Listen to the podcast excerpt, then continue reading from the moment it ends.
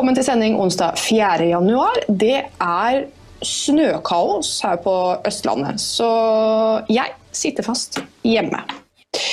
Med meg i dag har jeg Erling og Kristian. Velkommen. Takk skal du ha. Hei, hei. Ja, jeg sitter jo fast her hvor jeg bor. Det er jo blitt sånn nå i Norge at eh, vi på Østlandet vi tåler jo ikke snø lenger. Da bare stopper alt opp. Og så fikk jeg med meg det her Det er global oppvarming, Christian. Dette er global oppvarming i sin fulle utfoldelse. Og så Siden våre politikere slutta å brøyte, vet du, så har de jo drevet og salta veien. Men nå er det jo tydeligvis ikke salt og opphavet, ifølge Romerikes Blad. Ikke er det grus heller, utrolig nok. Man skulle tro vi hadde nok stein i Norge til å gruslegge hver eneste vei i landet vårt. men men det klarer vi ikke. Hva har skjedd med nordmenn, egentlig? Eller kanskje ikke nordmenn, men Norge? Du Noe har ikke fått ordna med feministisk snørydding. Altså, det burde være en selvfølge nå, syns jeg. Altså. Jeg kan jo si det at eh, jeg bor, jo i, jeg bor jo i Stavanger, og hvis du tror at eh, dere på Østlandet frykter snø, så skulle du jaggu meg vært en tur i Stavanger når det kommer snø her. Da blir det jo helt panikk. Altså, jeg var jo så uheldig at jeg brakk skulderen før jul, og når jeg kom på sykehuset, så satt det jo hundrevis av folk der med brukne lårhalser, så jeg måtte jo sitte i kø i timevis fordi at eh, det hadde vært is. Og det, det er ikke noe vi er vant til her i Stavanger, for her er det jo Altså, mine barn har opplevd to juler med antydning til hvithet, da. Men det er bra, for da følger de vel opp det som kritisk rasesteori ønsker. Altså, men det er ganske utrolig det her. fordi øhm, Nå har jo jeg bodd rundt omkring i landet. Jeg har bodd i Stavanger, og jeg har bodd i Nord-Norge. Og jeg har bodd på Østlandet, og i min barndom så var det jo sånn vinter som det er ute nå, var det jo støtt og stadig. Du kan jo se på bildet bak meg, sånn det ser ut der hvor jeg bor. eh, pretty much. Det har snødd så mye, det blåser, det er is under, fordi selvfølgelig de har jo ikke brøyta. For det slutta de jo med for lenge siden. Og når de salter veien, så blir det jo, og temperaturene går opp og ned, så blir det jo glatt. Det vet vi jo. Men eh, MDG har eh, klart å påføre oss en sånn eh, ja, Denne sykkelutopien de har, den har jo strukket seg til bilveien, vil jeg påstå. Så nå sitter jeg her, da. og Ingen rett på sak i dag, men det er jo veldig fint at vi kan kjøre en litt sånn gammeldags dagsorden. da. Det er litt sånn kos. Nå som det er snow day, mener jeg. Ja, ja. Du vet, Alle værfenomener er jo tegn på krise i våre dager, ikke sant. Så det, du gjennomlever nå en slags klimakrise hjemme hos deg. Så da har du jo krav på vår fulle støtte og sympati, selvfølgelig. Takk for det. Det er mulig jeg må ønske meg truger til jul neste år, så jeg kommer meg fram på vinterstid. Men den tid, den sorg. Vi skal gå i gang med dagens tema. Det er jo eh, Det har skjedd noe interessant. fordi i Canada så har du jo ikke lov til å tenke kritisk eller være opposis altså, i opposisjon til styresmakten. Trudeau har jo vist dette gang på gang, men nå har altså dette rammet Jordan Peterson. For han blir nå bedt om å omskolere seg for å eh, lære seg å kommunis kommunisere i sosiale medier. Kristian, du skrev en sak om dette tidligere. Har du lyst til å ta en liten oppsummering av hva dette galskapssystemet i Canada har forårsaket nå? Ja, det er altså en eh, organisasjon i eh, Ontario, som er den eh, mest folkerike provinsen i Canada, eh, som heter eh, College of Psychologists of Ontario. Og altså, Psykologkollegiet i Ontario vil man vel oversette det direkte med, og det høres jo ut som en bransjeorganisasjon, en interesseorganisasjon, og er det vel for så vidt også. men det som er spesielt med denne organisasjonen, er at den er jo også regulerings- og tilsynsmyndighet for de som har eh, autorisasjon til å jobbe som klinisk psykolog i, eh, i, i Ontario. Dette er jo ikke helt uvanlig at, at man har eh, i et si, slags korporativt system at bransjeorganisasjoner også får en slags reguleringsmyndighet. Så det som er uvanlig her, da, det er jo at han har blitt bedt om å erkjenne at han har ordlagt seg på en måte i sosiale medier som da ikke er forenlig med en yrkesmessig opptreden.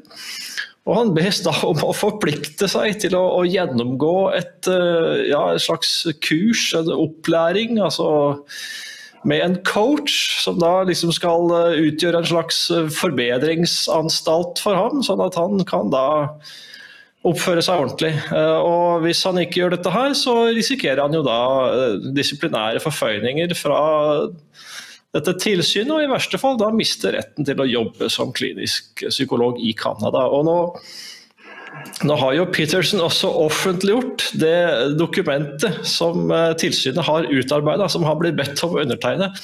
Og Når man leser det, så man, man tror nesten ikke det man leser. Altså, det er, eh, man får sånne eh, Sovjet-assosiasjoner med en gang. altså jeg erkjenner ja, at det er, liksom, altså det, er helt, det er helt vanvittig. Vi skal få det opp på skjermen her, sånn at folk kan se det. Han har altså publisert dette på sin Twitter. og Det var ikke bare det, Christian, men eh, de ber han jo også ta kostnaden for dette selv. Også ikke med noen garantier, fordi han må jo det, Om det ikke forbedrer seg, så, så ja. Vi vet jo hva, alle hva dette handler om. og Det er at uh, det er blitt erklært krig mot konservative forgrunnsfigurer i offentligheten. Uh, alle triks er tillatt for å stikke kjepper i hjulene for dem, enten de heter Donald Trump eller uh, nå Elon Musk eller Jordan Peterson eller hvem som helst. Dette er jo nå en, en, lang rekke personer som eh, får uh, vanskeligheter på helt, uh, helt latterlig grunnlag, egentlig. Sviktende grunnlag. Og det var Petersen den, den, siste i rekken, og han uh, kommer selvfølgelig ikke til å, å, bøye seg for dette. her. Han vil jo bare erklære full krig. Altså, når man ser på det dokumentet, så tenker man at de som har forfatta det dokumentet, de, de, burde i hvert fall aldri ha ansvar for, for pasienter selv. Altså, de, de, ser ut til å ha et desperat behov for, for psykolog. Altså, så det er Nei. Ironisk nok. Ja, det, det, det, jeg eh, legger merke til, det er jo at dette følger jo en trend vi har sett uh, veldig tydelig i USA, men også nå i Sverige før uh, valget i høst. Det er at de som på amerikansk kaller seg liberals, som ikke har noen liberale holdninger i det hele tatt, men som egentlig betyr venstrevridde, og samme som sosialdemokraterne i Sverige. De aksepterer ikke demokratiet så lenge det er noe annet enn det som er helt identisk med sine egne meninger. Og Det er jo helt utrolig Det her er jo på linje med at hvis du hadde sagt Eh, offentlig i Norge at du støtter Erna Solberg nå fordi at du er forbanna på Støre, så skal du ha rådgivning av noen sånne woke-idioter som eh, skal lære deg å ha de riktige meningene.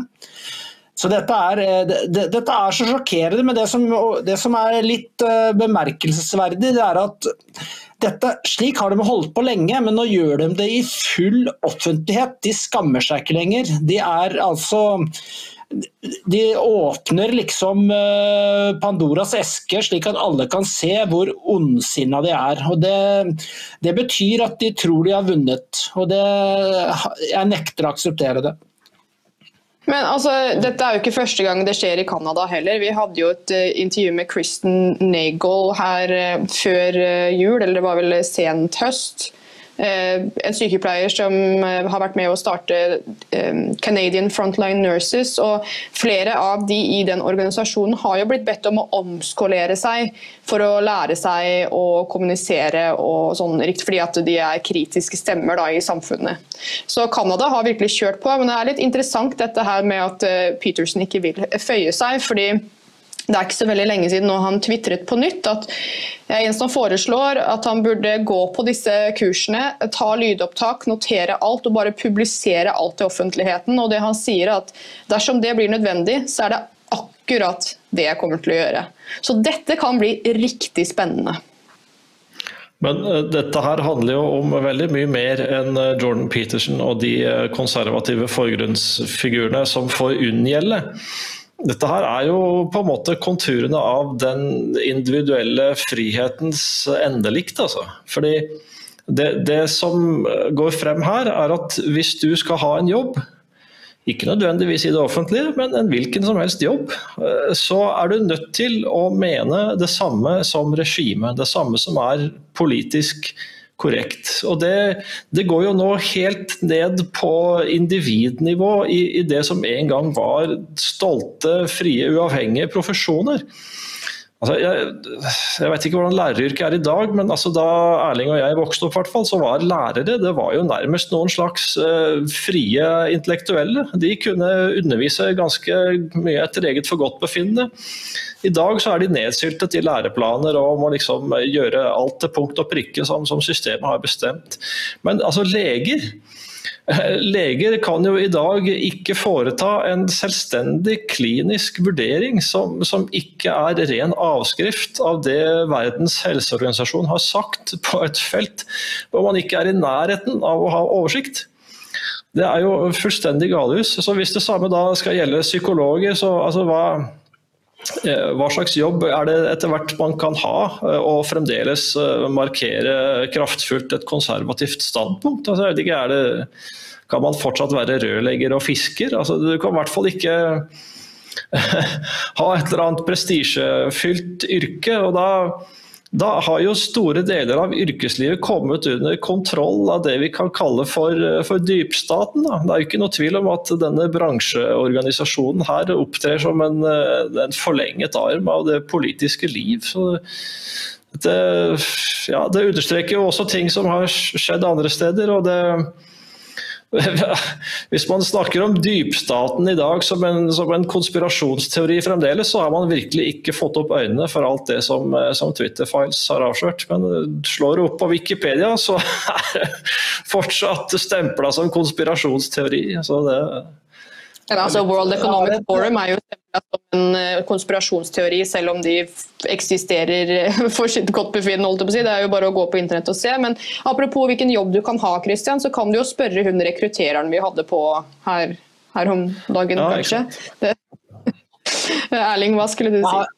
Ja, var, Jeg har en kommentar til det som Kristian peker på her med lærerne i gamle dager. og det er klart at uh, når jeg gikk på skolen, uh, så var jo de fleste lærerne sosialister den gangen òg. Men uh, de var ikke hva skal jeg si, ekskluderende på den samme måten som vi opplever i dag. Jeg husker veldig godt en, en av de få konservative som ikke var meg. da som jeg gikk i klasse med, en meget intelligent og dyktig fyr, som skrev eh, om eh, Salt 2-avtalen eh, på veldig amerikansk orientert måte. Og uh, han SV-læreren vår han uh, leste denne meget lange stilen, og så, han, så, skrev han en kommentar på toppen av stilen hvor han sa uh, følgende Dette er en, et innlegg som egentlig trenger et motinnlegg. Og så sto det bare rett under 'terningkast seks'. Og den holdninga er borte, for i dag så hadde han fått terningkast én, ikke sant? Fordi han hadde feil meninger. Men de aksepterte at det, fantes ulike politiske meninger. Og det var slik jeg, jeg regner med også du Kristian vokste opp, at vi hadde folk som vi var politisk uenige med, så krangla vi så fillene føyk, og så tok vi en øl og så fotball etterpå. Eller jeg gjorde det, da. Du gjorde vel kanskje noe annet. Ja, ja. Sånn, sånn var det. det. det. er jo helt helt korrekt beskrevet. Eh, altså, hadde du skrevet uh, den stilen i dag uh, som ung mann, Erling, så hadde du kanskje blitt jeg vet ikke, innkalt til rektor, eller foreldrene dine hadde blitt innkalt til bekymringssamtale, kanskje. At her er det en, ja. en gutt som ikke har tilpassa seg tidsånden, og det kan vi ikke ha noe av. Nei. Nei, og da kommer vi jo til dette med nettopp med Twitter-files. For det, eh, det, har jo vært Hvor mange har det vært nå? Er det tredje eller fjerde tråden som Nei, har blitt Nei, Det må jo være sju-åtte, ikke det? Altså, vi har vel ikke registrert alt sammen. Men eh, det har jo vært flere enn tre-fire episoder, i hvert fall. Ja, Det sto nå at det skulle komme to i går, men den kom vel i sin hele forlengelse etter hvert utover kvelden, så vidt jeg forsto. Og den avslører jo noe vi jeg håper å si, egentlig allerede visste, på en måte. Vi visste jo selvfølgelig ikke innholdet i dette, men som vi allerede visste. Det er jo, de har jo da forsøkt å øh, skylde på Russland for å få tilgang til å styre sosiale medier. Har de ikke det, Kristian? Ja, altså Det som var tesen til hele anti-Trump-gjengen, var jo at, at Russland brukte sosiale medier til sine påvirkningsoperasjoner i USA. Og det, det har jo sannsynligvis til en viss grad forekommet, men det problemet er jo blitt oppblåst til de grader. Uh, altså, er det en påvirkningsoperasjon at et Kreml-eid medium som uh, Russia Today da har uh, altså spredd sine saker på nett i Vesten? Altså, ok, det, mange vil kanskje bare mene at det er fair enough, men uansett. Den, de Twitter-files som ble offentliggjort i, i, går kveld norsk tid, de, de var vel ikke nummerert, forresten. De viste jo svært detaljert hva slags dynamikk som har pågått her, da, eh, mellom medier, eh, Senatets etterretningskomité, eh, bestemte politiske skikkelser, Twitter altså, det, det har, altså, Twitter ble jo etter hvert presset til å si at problemet med russisk påvirkning var mye større enn det de egentlig mente. Og de ble da tvunget nærmest til å innrømme at kontoer som var helt problemfri, egentlig var russisk propaganda, for, for ikke å da møte represalier i form av nye annonseregler, eh, lekkasjer til pressen som ville sette dem i et dårlig lys. Det er jo ren, ren utpressing, altså rene mafiametoder. Altså man kunne man kunne sannsynligvis sende den organiserte kriminaliteten i de fleste land på, på voksenopplæring til flere av disse demokratiske lederskikkelsene. Altså, man, man, tror nesten ikke det man ser. Jeg la merke til at han, eh, demokraten Warren altså, han var jo veldig aktiv i dette her. og og anklaga jo Twitter for å ikke være, vise vilje nok til å slette disse russiske konspirasjons- og collusion-aktivistene. Eh, samtidig så sendte han jo bønner om donasjoner til sin egen kampanje til eh, ansatte i Twitter, så det var jo noen som lagde humor ut av det, da. Men ikke sant, de snakker om at FSB, altså det er jo det gamle, eller den nye utgaven av KGB, kan man si, altså russisk etterretningstjeneste, at de var så tungt involvert og at uh, Twitter ikke gjorde nok. Men uh, Twitter-Files har jo avslørt at det var jo ikke russisk eh, etterretningstjeneste som eh, var trusselen. Det var jo faktisk amerikansk etterretningstjeneste. Så dette blir jo dette er jo en gigantisk avsløring, og selvfølgelig så er det jo ganske slående hvor eh, lite massemediene har vært villige til å snakke om det. Men det fins noen unntak. Jeg merka meg han redaktøren i, i fagbladet vårt, eh, journalisten, Grødeberg, eller hva han heter for noe, han, han skrev jo det at, eh, at, eh, at, mediene unngår å kommentere Twitter-files. Det bare bygger opp under konspirasjonsteoriene. De bekrefter konspirasjonsteoriene, egentlig. da. Og selv i The Guardian, som jeg leser jevnlig, fordi at det er på en måte representanten for eh, alle mulige former for fiender, woke og klimagalskap og hysteri og venstrevridd ideologi osv. Selv der har de skrevet nå for en to-tre dager siden en lang artikkel om Twitter-files, og de sier omtrent det samme som Grønneberg, eh, eller hva han heter for noe, jeg skal si navnet hans korrekt. da. Grøndalen heter han. Uh, han, uh, de sier det samme, at uh, det er en tabbe av de etablerte og regimetro mediene å bare ignorere Twitter-files. Ja, Men det gjør de altså. Dette ja, Kristian, vær så god. Det, det, er ikke så lett for dem å begynne å skrive om, eh, om dette nå, fordi da kommer jo deres egne unnlatelsessynder så klart til skue. Ja, og så er det jo noen med dette altså, eh, Du sier konspirasjonsteorier, Erling. Vi kan vel stadfeste at her, eh, majoriteten er vel nettopp det motsatte. Det er konspirasjoner. Og å kalle folk for konspirasjonsteoretikere eller drive med den hersketeknikken, det, bare, det holder ikke vann lenger. Eh, og da Er det jo interessant når vi går, fordi er det noe Twitter-files har vist oss, så er det jo nettopp det at vi er inne i en informasjonskrig. Og denne informasjonskrigen den styres bevisst av myndigheter og etterretning. Eh, og jeg synes Det var veldig interessant da Tucker Carlsen tok opp dette for en stund tilbake.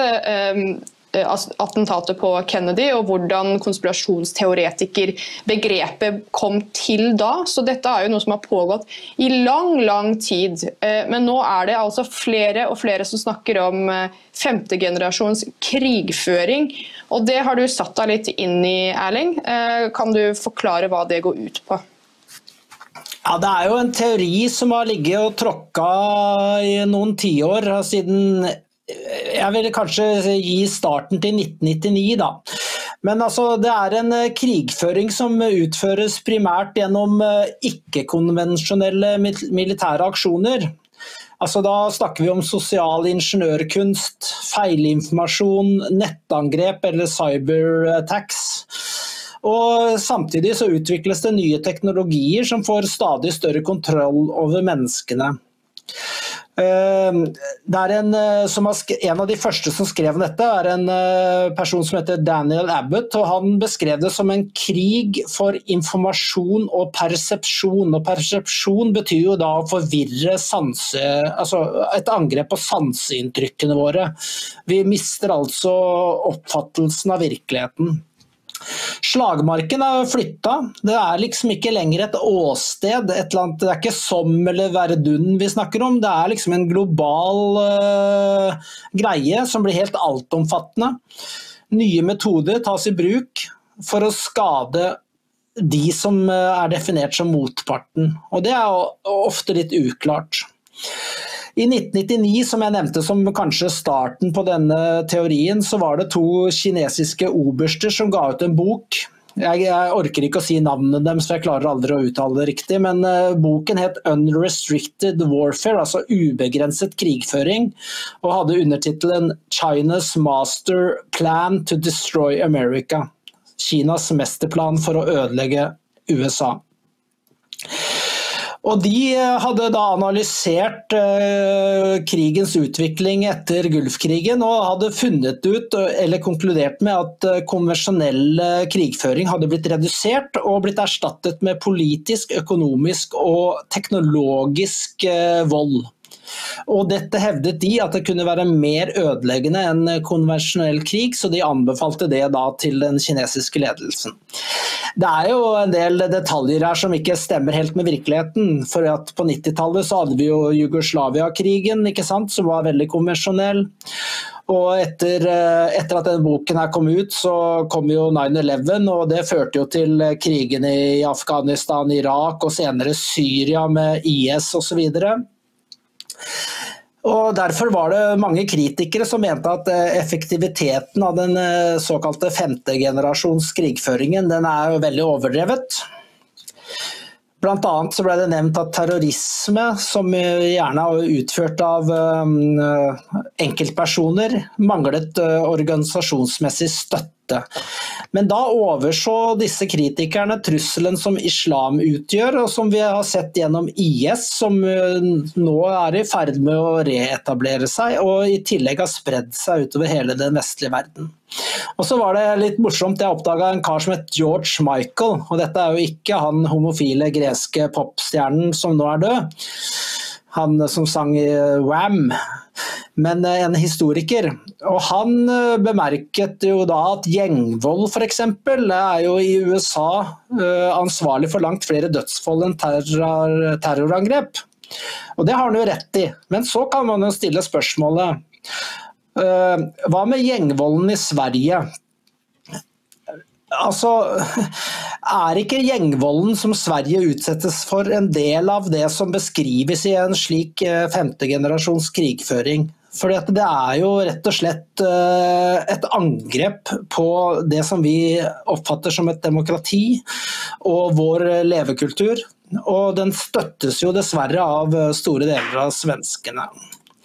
Så Den største trusselen i dette prinsippet for å avslutte, det er jo den teknologiske utviklingen og de mulighetene som f.eks. kunstig intelligens eh, utgjør. Og da, da, da, tegner vi et bilde som er uh, fremstilt i filmer som f.eks. Terminator og delvis også Matrix, selv om der var det jo aliens som sto bak uh, uh, undertrykkelsen. Og Uansett så blir man stående igjen med individer som ikke eier forsvarsevne. For det, det, er globalt, det er eh, så altomfattende, og vi har ingen mulighet til å forsvare oss. Og da, da, kan jeg sitere Arthur C. Clarke til slutt. og Han sa det i sin kjente bok 'Space Odyssey', som også er filmatisert. at uh, når teknologien blir avansert nok, så er det umulig å skille teknologi fra magi. Og da kan man også si religion. Ja, jeg syns jo Robert Malone putta dette veldig pent. Ja, da, det kan du få lov til å utdype, Christian. Men han sa jo at denne femtegenerasjons krigføringen den handler ikke om, om, kampen på marken lenger, som du sier, Erling, men den handler om eh, tankene og meningene og hjertet vårt. Eh, Christian, kan du utdype det? Ja, det er jo den mest avanserte formen for krigføring. Altså hvis du, hvis du klarer å, å, å, vinne eh, hjernen til fienden, så, sånn at fienden begynner å, å, tenke på deg som en venn, f.eks. Så er jo det aldeles genialt. Da kan du jo, kan du jo vinne på, på, walkover. Du kan bare gjøre som du vil, fordi du er ikke engang oppfattet som en fiende. Så det, det er jo da et av de mange elementene som, eh, som de to kinesiske oberstene som Erling nevner, som siden ble forfremmet til generaler. de i den krigføringshåndboka fra 1999 så, så har jo de en smørbrødliste over en 20-30 forskjellige former for krigføring. Hvor eh, ja, Det som Erling peker på med vold, da, altså, det er jo da en form for geriljakrigføring. Altså, man kan kalle det for da, en slags lokal eh, jihad-gerilja. Uh, for å bruke islam som eksempel. Eller man kan snakke om juridisk jihad, hvis du bare sørger for å lage mest mulig kvalm i rettsapparatet. Kineserne har jo brukt dette her på en veldig avansert måte. De, de snakker jo også om narkotikakrigføring, og da er det jo bare å tenke på all fentanylen som strømmer inn i USA. Eh, handelskrig, eh, råvarekrig, hvordan kineserne har klart å beherske kontroll da, over en hel rekke mineralressurser som kommer til å trenges i den nye såkalte grønne økonomien. Handelskrigføring, finansiell krigføring. Så de har jo da gått ut på på bred front. Men det, det, det, verste med alt dette her, det er egentlig ikke hva Kina eller islam gjør. Det er jo at uh, nå er vi i ferd med å komme dit hen at vår, vår, egen maktelite fører en slags uh, femtegenerasjons krig mot sin egen befolkning. Og det, det, vi har ikke vært vant til å tenke sånne baner, men det er vi jo nødt til å, til å gjøre nå. Når vi, når vi, ser hva slags ekstremt maktmisbruk eh, og raffinert maktmisbruk som vi blir utsatt for.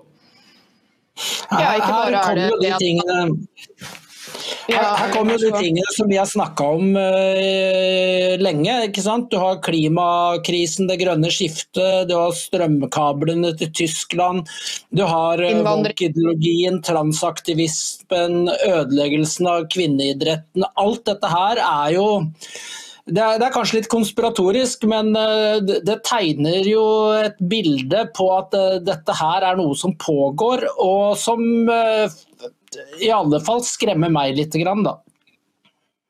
Det skremmer meg veldig mye. for hvordan, Hvor kommer man dit hvor man eh, lemlester, kastrerer og ødelegger egne barn? Man eh, snakker om en krise, legger alle eggene sine i én kurv, som er eh, destruktivt for eh, samfunnet i sin helhet, altså da klimapolitikk.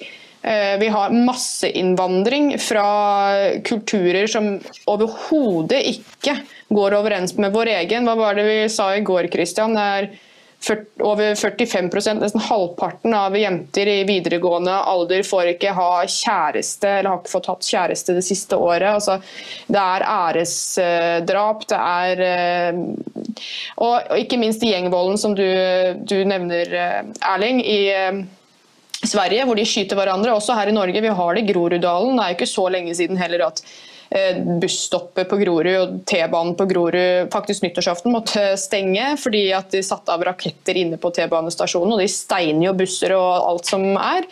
det er, er jo på vei til å bli en no go zone. og Dette her er det ikke lov til å påpeke. Da er du altså rasist, og uh, gudene veit ikke hva, hva du kan beskrives som og, og plages med. Men det er jo på mange måter ikke bare myndighetene mot oss, men det er jo også de som har, myndighetene har vunnet hjernen til. da de kriger jo på vegne av altså disse aktivistene kriger på vegne av myndighetene. og Det er jo det vi står oppi nå. Det er jo helt krise, egentlig. Er det ikke det?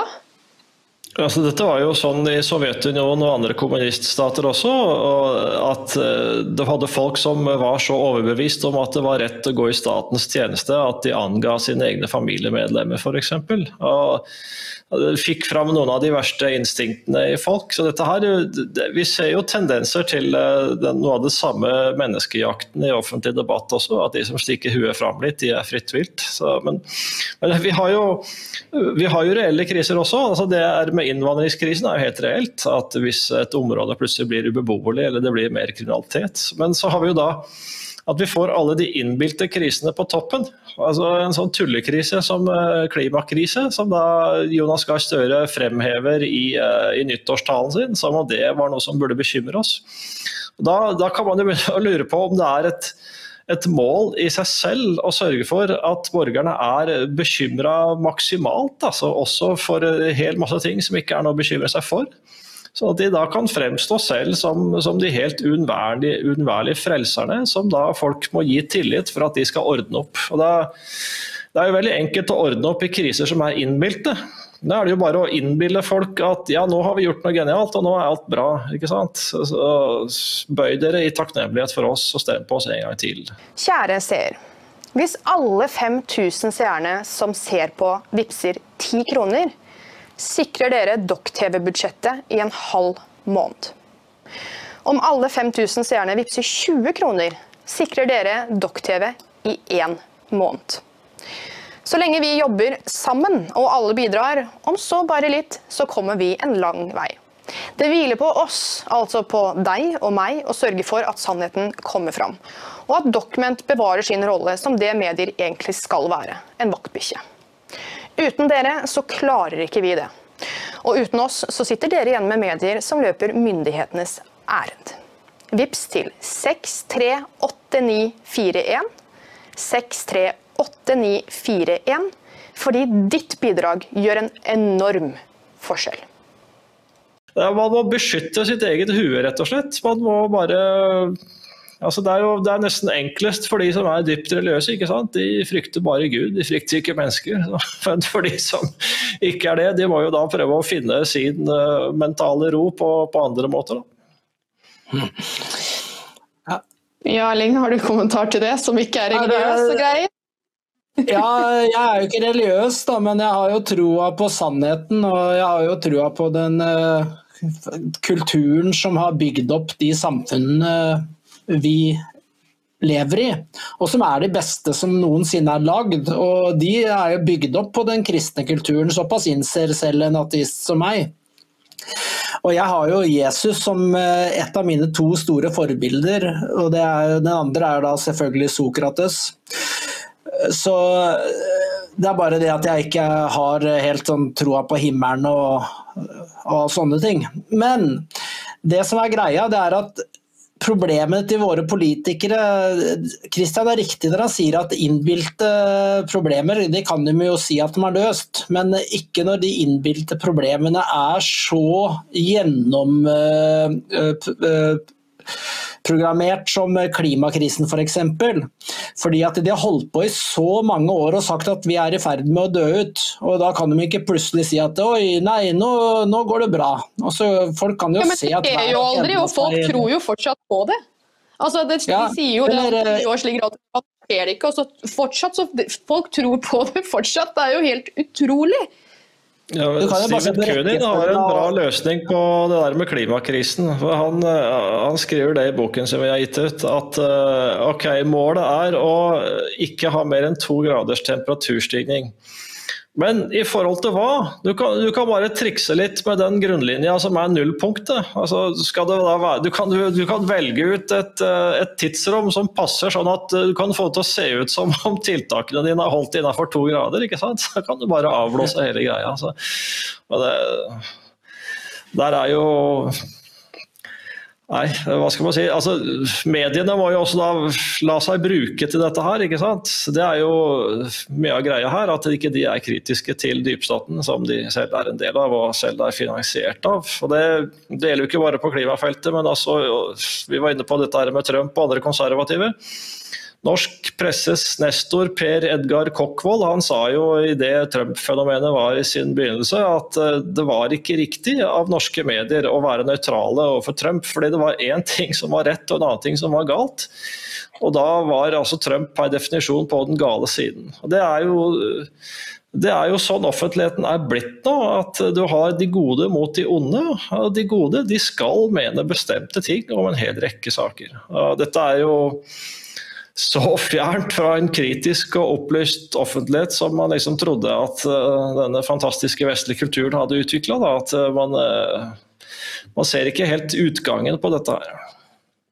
Nei, men Dette faller jo inn i Agenda 2030. Ja, bare få ferdig resonnementet mitt her, Erling, så skal jeg gi ordet til deg. fordi Du har Agenda 2030 og du har FN, og når det gjelder mediene, så har jo de Eh, de store mediene i verden er jo del av en sånn mediedeklarasjon for FN. De rapporterer om de samme tingene. De, har, de, vet hva de skal si og ikke si. Det er en hel agenda her som du har eh, skrevet en del om, Erling. Du har tatt for deg punkt for punkt, i hvert fall. Eh, jeg vet ikke om du har kommet helt til slutten enda, men du har tatt for deg en hel del. Og så har vi norske politikere som skaper nasjonale problemer med internasjonal politikk, altså EU-politikk.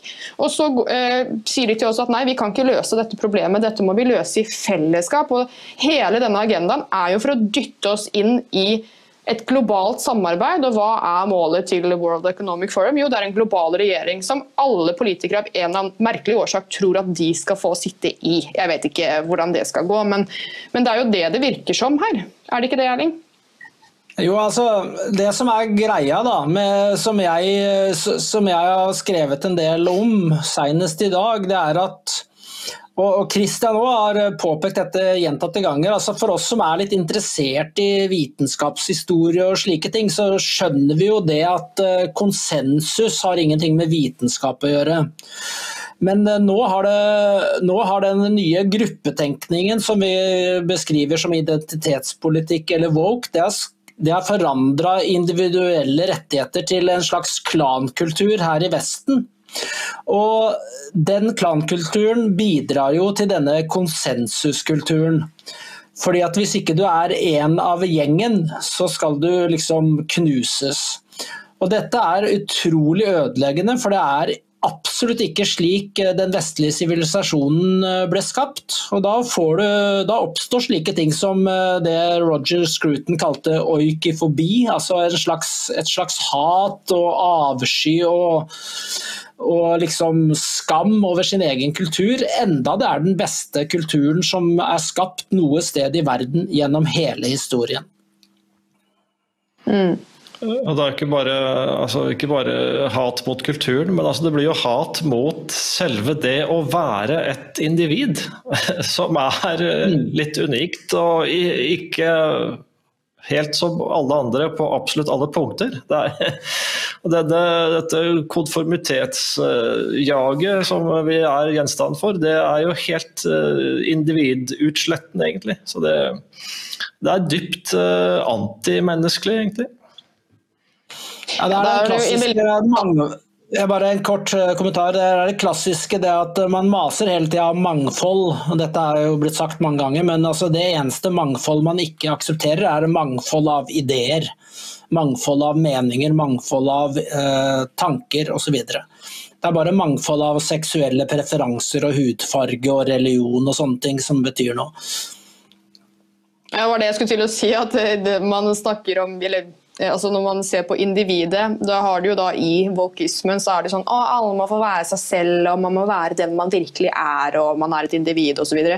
Men det er jo ikke det. Eh, det er jo slett ikke det. Du skal jo ikke få lov til å være deg sjøl. Det er jo rett inn i gruppetenkning og konsensus. Og hvis du ikke er som dem, eller tenker som dem, som du sier, Erling, så er du utenfor. Og da er det skremmende at man har myndigheter her i Vesten som nå går etter Jordan Peterson i Canada. Altså, de har jo gått etter han tidligere også, og Frontline Nurses. Du har stikke hodet litt fram, Christian. Ja, det begynner å få virkelige konsekvenser, eller de prøver i alle fall å gi det virkelige konsekvenser og ikke være en del av uh, gruppetenkningen. Og når kan vi forvente å se det her? Altså, vi har jo da to feminister i Norge som, som har uh, Hun ene er jo ferdig etterforska, den ble vel henlagt, så vidt jeg forsto. Eh, men de utforsker vel fortsatt. Åtte måneder tok det. Ja, fordi at de påpeker om at menn ikke kan være lesbiske, og at det å si det er perverst, det er jo bare sant. Og så skal man bruke politiressurser på det, mens eh, ungdom, innvandrerungdom står på Grorud og steiner busser, og så gjør de ingenting fordi at de venter på at de skal ta til fornuften. Altså, Hva er dette for et samfunn? Når er det de kommer til å gå etter eh, opposisjonelle her i Norge, f.eks.? Ja, I en viss grad så skjer jo det allerede, altså ved at folk mister jobben. så det det ville ikke, vil ikke vært noe stort sprang det hvis det kom trakassering på, på andre felter. Nei, nettopp.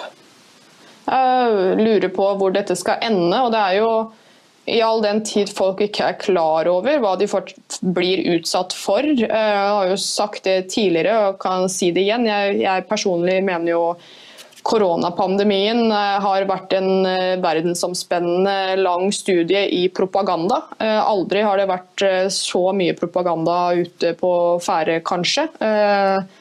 Og så splittende befolkning. Altså, det har jo bare tulla på seg. Det blir jo bare verre og verre. og jeg vet at du har forsøkt å gjøre, se framover og se på de positive tingene som vi kanskje kan møte på i 2023, men veien det går nå, sprelles det så hardt i myndigheter, og det blir avslørt så mye. Selv om hovedstrømsmedier eller man, eh, regimetro eller regimemedier prøver å unngå å snakke om det, så kommer det jo fortsatt fram til folk, eh, heldigvis. Men eh, hvor skal det ende?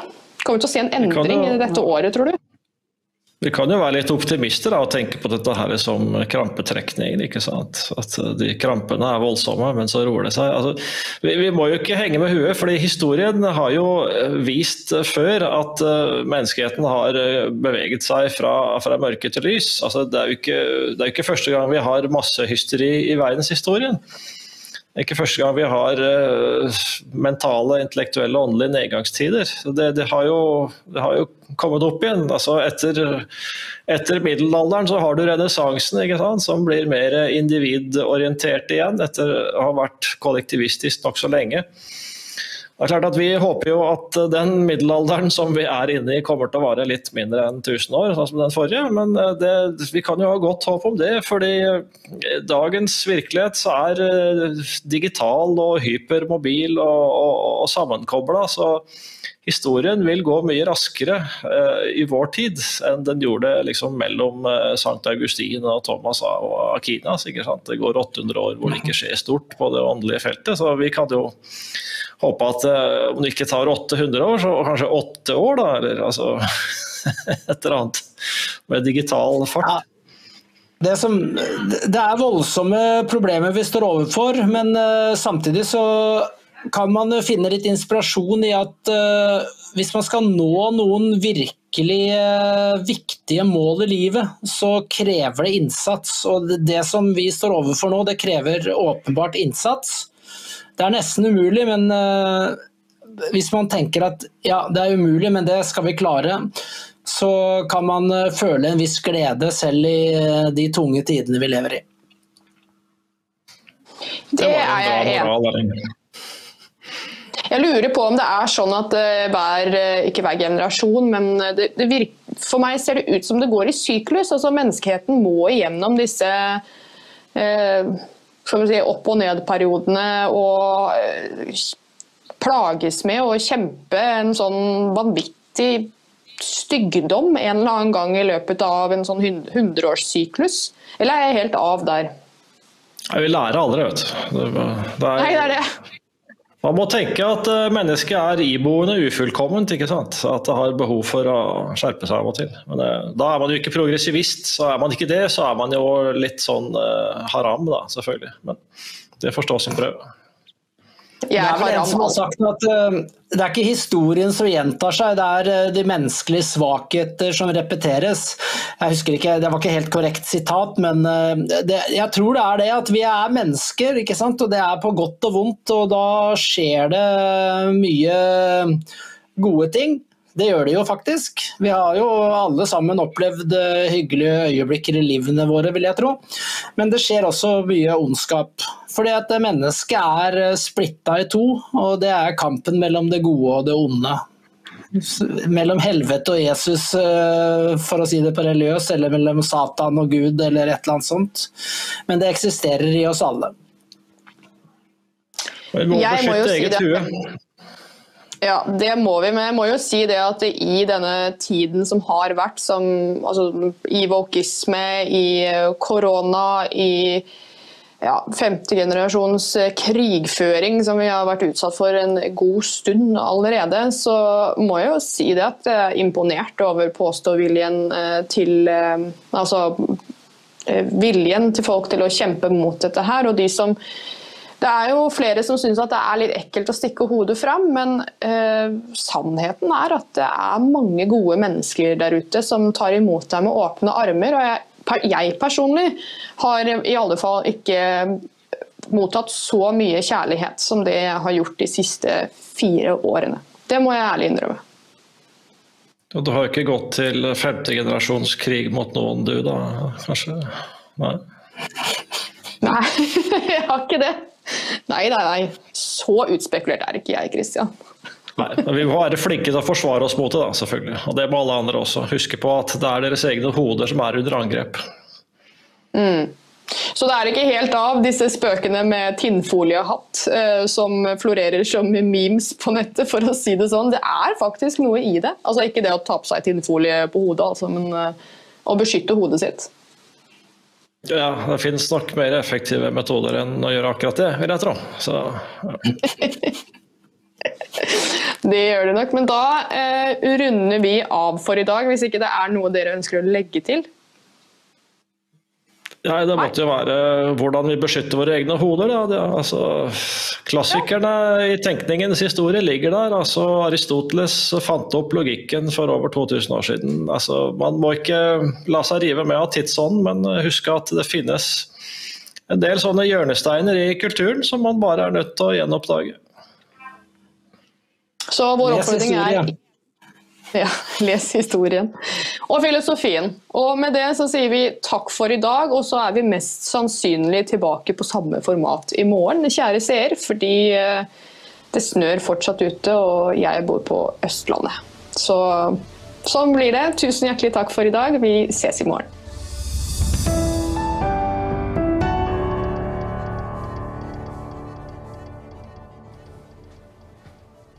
Neimen, hei! Har du også antistatlige holdninger? Ja, da har du kommet til rett sted. Da er Dokk-TV noe for deg. Men for at vi skal kunne lage Dokk-TV, så er vi avhengig av din støtte. Vips et bidrag til 63 89 41.